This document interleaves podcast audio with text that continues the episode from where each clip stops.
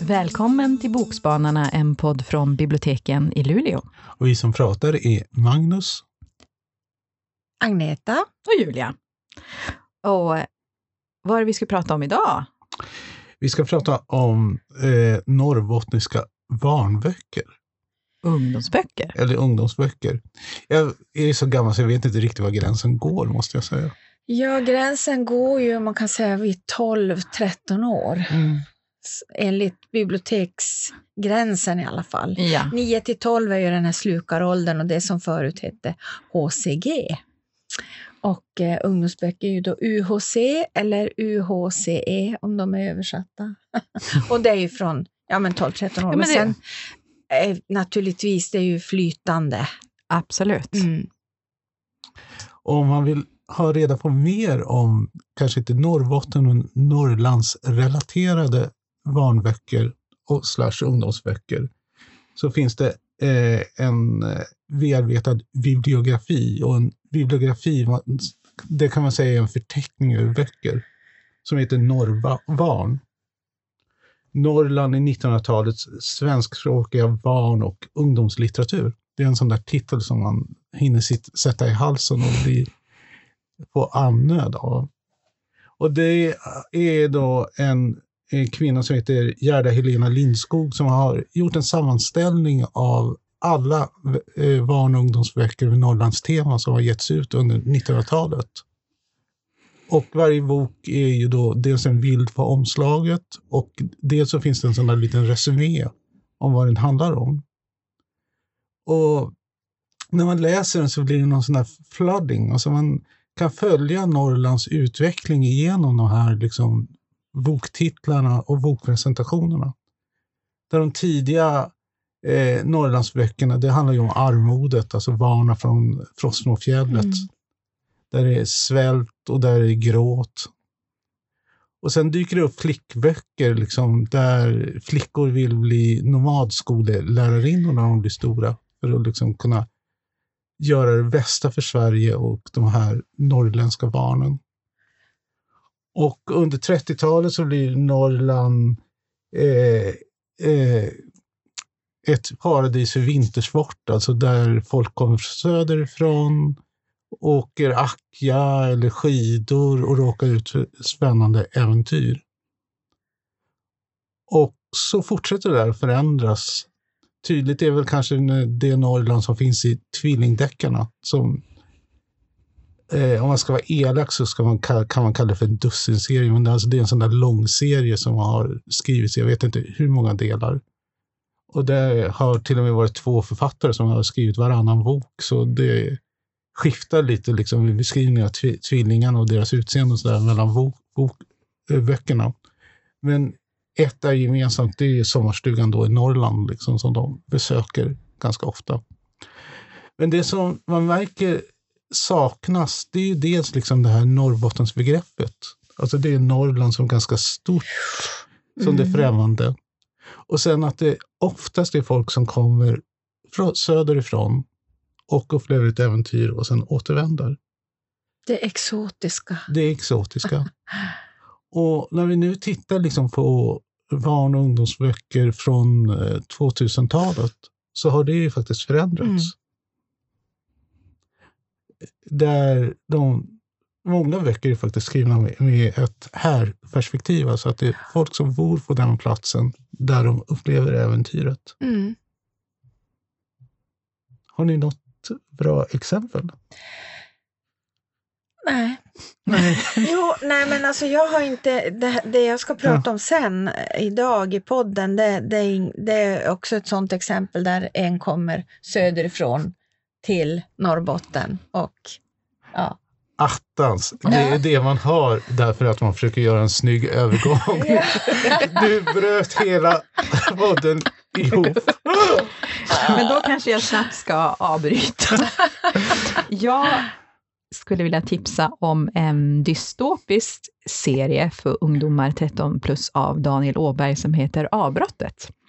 Och det kommer bli eh, fyra delar och den fjärde kommer snart, så då man, kan man ju passa på att börja nu, kan man läsa alla fyra. Mm. Och den första delen heter då En värld av mörker.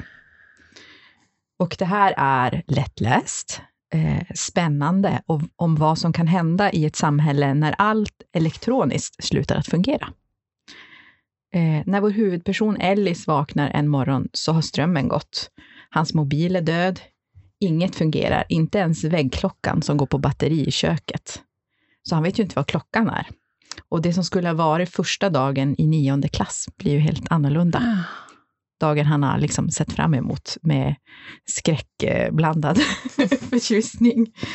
Ehm, men eh, han, han gör sig i ordning ändå tänker han cyklar till skolan, då kanske han får veta eh, vad som har hänt. Så på skolgården samlas då elever i olika grupper och väntar på att få besked. Eh, och då kommer rektorn ut på trappen. Eh, och så skickar han hem dem igen, för han säger vi har ingen ström här, ingen, knappt några lärare har kommit, vi kan inte hålla lektioner i mörka lokaler och vi har, kan inte liksom laga lunch eller göra någonting, utan vi hör av oss när ni kan komma till, alltså när strömavbrottet är över, då kan ni, då börjar vi eh, igen. Och timmarna går och ingen vet ju vad som har hänt och hur länge det här kommer ta. När kommer strömmen tillbaka? Eh, de cyklar, alltså han och hans kompis cyklar in förbi i stan och inga affärer kan ju ha öppet för kassorna fungerar inte. Eh, bilarna går inte att köra för de startar inte. Men vad som är värst är ju att apoteket och sjukhusets system, det fungerar ju inte. Eh, och Ellis mamma har ju diabetes och hon behöver ju sitt insulin för att överleva. Men någon gör inbrott i apoteket och snor all medicin.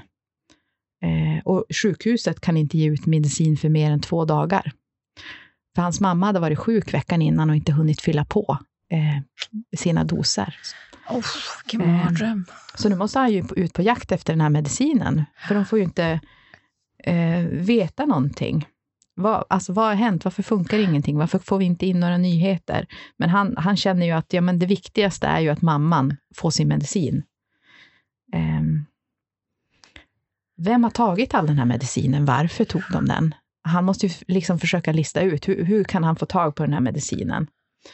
Ehm, och det här kan man ju verkligen ha som en intressant startpunkt för en diskussion om olika så moral, vad är man beredd, moraliska dilemman, vad är man beredd att göra för liksom sin familj?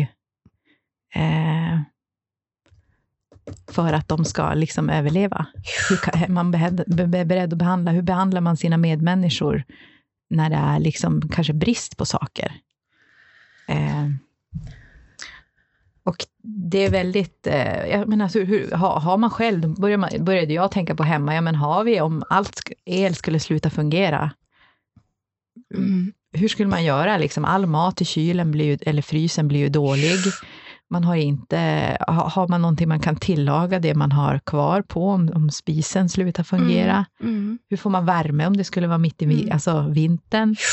Ehm, det är verkligen alltså, intressant. Och i bok två fortsätter då handlingen, för strömmen är fortfarande inte tillbaka, jag avslöjar. och det finns då mörka krafter i det här samhället som, som vill ta över. Ehm, staden där Ellis och hans mamma bor. Mm. Och det här visar verkligen alltså, hur beroende vi är att samhället fungerar. Ja. Alltså för de flesta av oss har ju inte liksom förnödenheter eller utrustning så vi kan klara oss utan. Eh, Nej, fast många har ju mer nu än vad de hade kanske för några år sedan, för att det har ju varit en otrolig preppertrend egentligen. absolut, det är ju Ja. mycket mera på kartan nu än det var Ja. tidigare och då kanske Nej, är fler. Vad som var så intressant är ju just det här med mammans diabetes, för att jag läste ju Therese Henrikssons Kyla Mm, och den börjar ju lite liknande, det handlar ju om tre syskon och så Ja. går strömmen och så är det kolsvart. Men så far de till morfars stuga i sin gamla Volvo, för elbilar funkar ju inte till exempel. Och morfar har ju både järnspis och eh, vatten i sjön. Och, så det är ju jätteintressant, men där var det ju ingen som var sjuk. Så det här är ju, han driver ju saken lite vidare också. absolut, för, för då finns det ju ett till liksom, eh, ett moment med tidspress. Mm. Eh, att det är liksom två dagar som man har på sig liksom att, att komma på någonting. Hur ska man göra? Ska man, ska man chansa och ta sig bort från, från den här inlandsstaden mm. mot mm. kusten? Mm. Och chansa att där kanske man kan få hjälp. Eller hur ska man, hur ska man göra liksom? För man, kan ju inte, man måste ju cykla eller gå vars man än ska ta sig. Vad är det för årstid? Eh, det är väl... Eh, Höst kanske? Om ja, men alltså, det är ju augusti när Just de just ska, just skolan just ska börja. eh, men jag tyckte att jag har läst de första två, så jag ska absolut eh, läsa eh, klart det.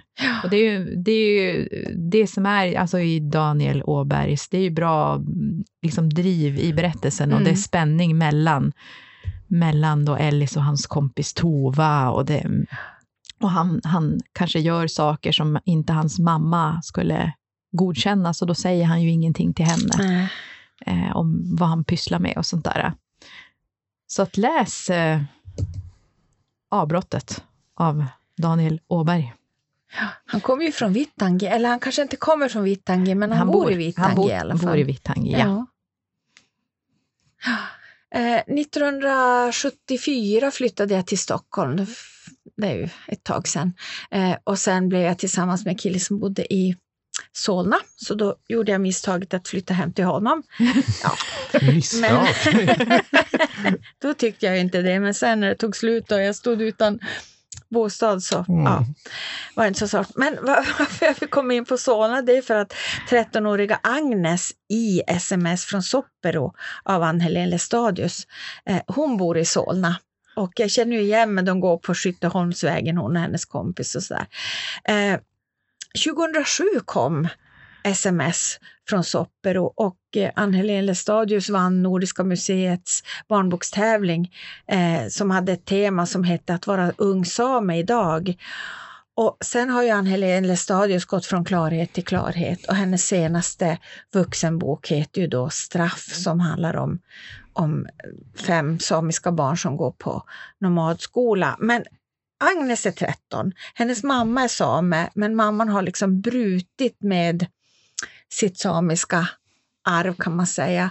Fast Agnes brukar vara uppe hos mormor och morfar i, Sopper Soppero utanför Kiruna ganska ofta.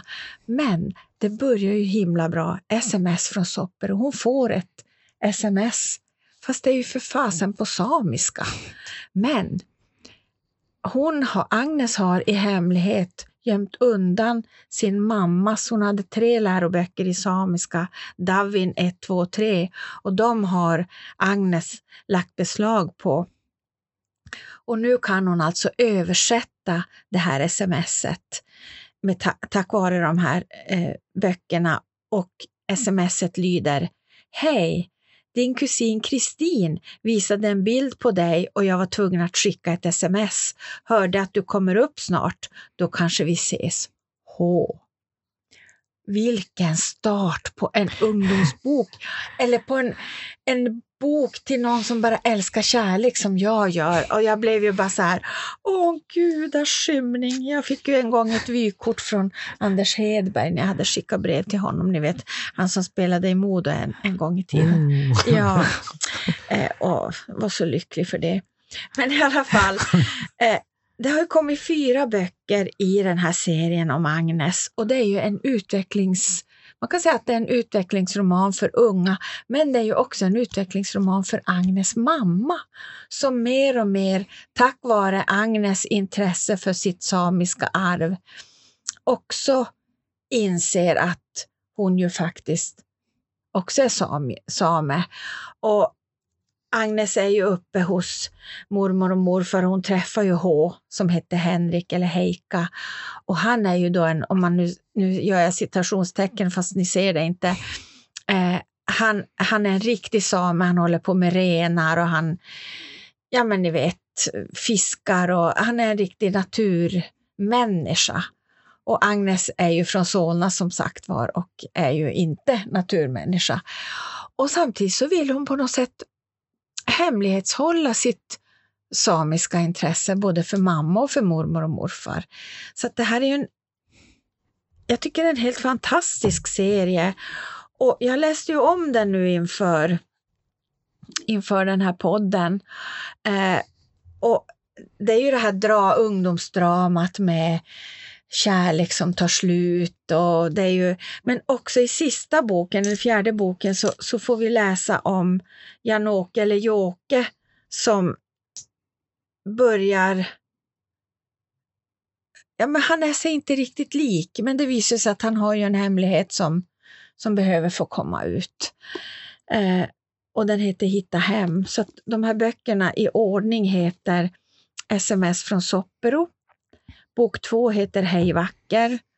Bok tre heter Ingen annan är som du och bok fyra heter Hitta hem.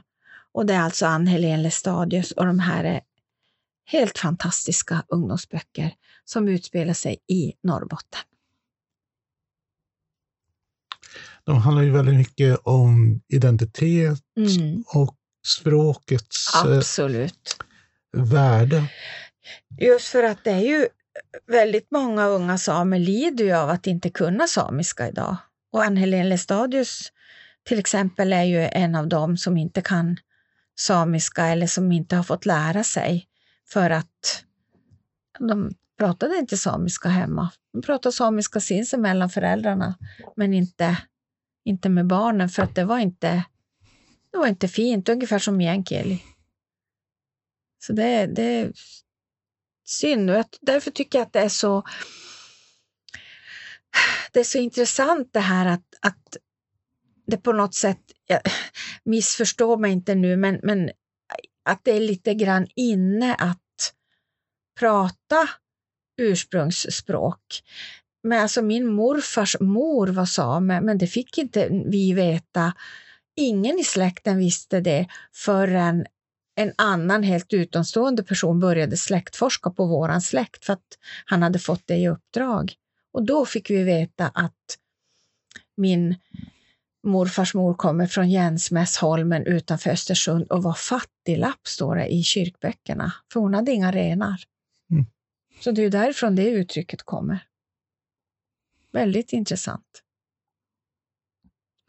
Men det är ju då samiskan och meänkieli som är väl de stora språken. Mm. Men vid sidan av dem så finns ju också de olika vunskorna. Mm, absolut. Och i Lina Stoltz bok Viskningar mellan väggarna så är det faktiskt överkalixmålet som spelar en ganska stor roll. Ja. För det handlar då om en familj som bor i söderut. Och mamman i familjen är väldigt stressad. Så hon känner att hon måste återvända hem. Och då köper hon sin kusins hemgård. Och flyttar då till en vy utanför Överkalix.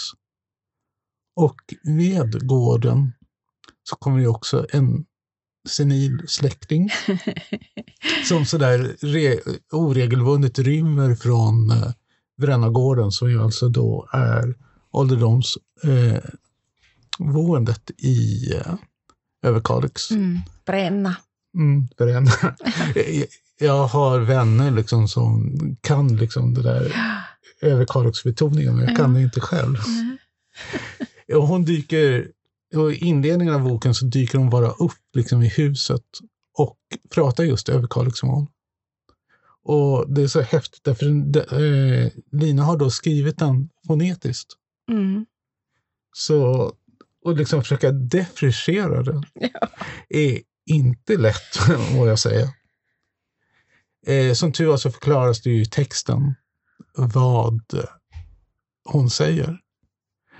Men det handlar ju också om det där att det finns rötter. Alltså att det finns ett sätt att vara, ett sätt att uttrycka sig som är väldigt vunna till en viss plats. Och att återvända liksom till den platsen kan ge någonting, även om man kanske inte har direkta kopplingar.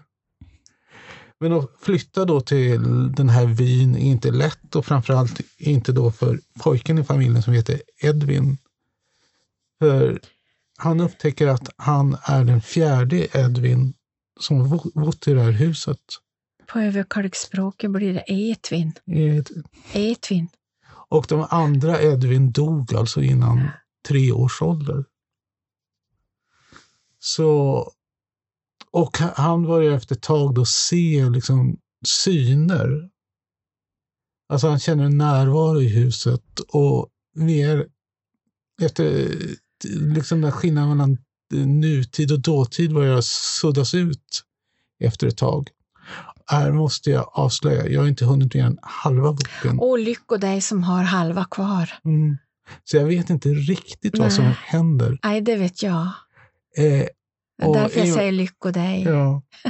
och i, och med, I och med att jag känner att jag bara tra trampar vatten nu så tror jag att du får fortsätta Jaså? berätta. Nej, men vad som är lite häftigt också, det är ju då den här gamla släktingen som Mm. kommer cyklande som ett jehu. Eh, och, och som skrämmer Edvin lite grann, för att hon berättar ju saker och, och hon är ju lite i barndöme, alltså hon, hon är lite senildement, så att det kommer ju kanske saker som hon inte tänker på att hon säger och han slukar ju allt, han, han tar åt sig allt. Och, han trivs ju inte, han, han sover dåligt och nej, han, men till sist då får ju han och hans syster varsin kattunge, men inte ens det gör att han trivs särskilt bra i huset. Men då finns det en, en kille som är några år äldre som bor en bit bort, som är så otroligt fin och gullig på alla sätt och vis, som verkligen tar sig an den här Edvin på det bästa sätt och ja, men försöker förklara saker. Så. Men det är ju en spökhistoria, Mm. absolut, så att vi ska inte avslöja för mycket. Men, men jag, jag har ju läst, jag tror jag har läst alla böcker av Lina Stoltz och den här tycker jag nog faktiskt är en, en av de bättre just för att jag, jag börjar fundera så mycket när jag läste den på bakåt på de som har gått före mig för att vi är ju, jag är ju femte generation, nej fjärde generationen i min morfars föräldrahem och eh, eh, våra barnbarn är ju då sjätte generationen och det är så häftigt att tänka sig om man hittar gamla brev och jag hittar mormors dagbok från eh, 1915 till 1917 som jag inte har börjat läsa än men som jag ska skriva, ska skriva rent på datorn. Det är lite, hon skrev ju väldigt vackert men det är jobbigt att läsa. Ja, Styrkan är ju också med boken, det är ju liksom emotionella, mm, alltså tryggheten som finns i det här Överkalix som eh, Lina beskriver, men också liksom multikulturheten. mm, Alltså att det finns nysvenskar, det, de bor där, det är inga konflikter. Utan tvärtom att de bidrar liksom till samhället. Sen är det väl också den där geografiska exaktheten. mm. Alltså de bor i en by som jag inte kommer ihåg vad den heter nu. Det ska man skriva upp på små papperslappar, vilket jag inte gjort. Men det är inte viktigt. Mm. Eh, där man måste åka färja liksom, för att ta sig in till Överkalix. Och det, alltså den färjan finns. Mm. Och eventuellt så är en kvinna som jag känner är inskriven i den här bo- boken, därför hon brukar köra den där färjan. Och eh, eh, den personen som kör färjan i boken är kvinna. Mm. Min man och hans systrar, mina, mina svägerskor är till och med födda på sjukstugan Mm. i Överkalix. Och eh, min svärfar kom från Rödup, Rötup. Och där går det ju färja från östra till västra Rödup. Mm. Och den där färjan åkte de, speciellt min man då när han var i samma ålder som Edvin, hela somrarna. Mm. Och så fick de hjälpa till att öppna bommen för bilarna och sådana saker. Så det var ju det var så extra mycket igenkänning också från, Mm. i den här boken. Jag tyckte den var underbar. Jo, men alltså att det, den beskriver ett generöst samhälle där barnen släpps in. Mm. Och där finns liksom ett utrymme att vara. Ja. Mm. Och så lite skräck då med Ja. spöken. Och lite fotboll. Mm. Eh, jag måste erkänna, jag brukar ibland uppfatta Lina Stolt som en sån där lite irriterande lilla syster som sparkar mig på smalbenet och säger titta här, titta Mhm. här. Men den här boken, den eh, passade mig precis. Ja. Ja, den, jag tyckte väldigt mycket om den. Mm. Ja, men då vet jag vad jag måste läsa. Jag var ju Mm. mycket över Karl. Farmor och farfar bodde ju Mm. där när jag var liten. Mm. Absolut. Men Jesus, då Så då måste jag ju, det känns jag måste sätta den direkt på min att läsa-lista. Ja, ja, ja. Ja, ja. men alltså, det är något speciellt med Överkalix. Och det känns som att Alla Överkalix... kommer från Överkalix, Ja. jag tror det. Alltså när man börjar prata med folk, men det är ju så, finns ju väldigt många by- byar runt omkring Mm. också, så att väldigt många kom ju därifrån och så har de flyttat på sig, sen många hade många barn och det var, ja, Sen vet jag inte om det är det att det ligger så vackert. det Alltså, gör ju mm, det. alltså mitt i Gävleland. Och sen när det är Överkalix marknad då i juli, då åker, kommer alla hem. Då Mm. är det hem, stora hemvändardagarna. Så inte bara mer Norrbotten utan mer Överkalix Ja. vill vi ha böcker om. Alla får lov att ta sig en tur dit i sommar då. Mm. Men jag tipsade om eh, Avbrottet, en dystopisk serie av Daniel Åberg. Och då ska man börja med del ett som heter En värld av mörker. Och jag tipsade om Ann-Helén Lestadius eh, ja, debut var det väl, eh, sms från Soppero om Agnes som är 13 år när serien börjar och den avslutas med Hitta hem. Jag rekommenderar att man läser allihop för de är så himla bra. Men alltså allt som hon har skrivit är väl bra. Jo, allt som hon har skrivit är bra. Vi pratar ju med henne i en podd. Ja, det kan vi tipsa om att lyssna på det när vi pratade och fick Just veta det. mer om hennes eh, bok Stöld. Just det, och jag var ju och lyssnade på er Mm. och henne när hon var på Björksgatans Mm. bibliotek och det var ju en fantastisk kväll som jag fortfarande bär med mig. Och vad som var så kul då, det var ju att hon berättade om att hon höll på att skriva på straff då, men hon ville inte avslöja titeln, för att titlar kan tydligen bli stulna. Mm. Mm. Heja Ann-Helene Stadius och Ja, heja ja. Lina Stoltz och heja Daniel Åberg. Ja. eh, och jag pratar om Lina Stoltz då, Viskningar mellan väggarna. Absolut. Ja, men som jag sa, vi får väl alla ta en tripp till Överkölis. Ja. Ja. Hej då! Hej då. Hej då!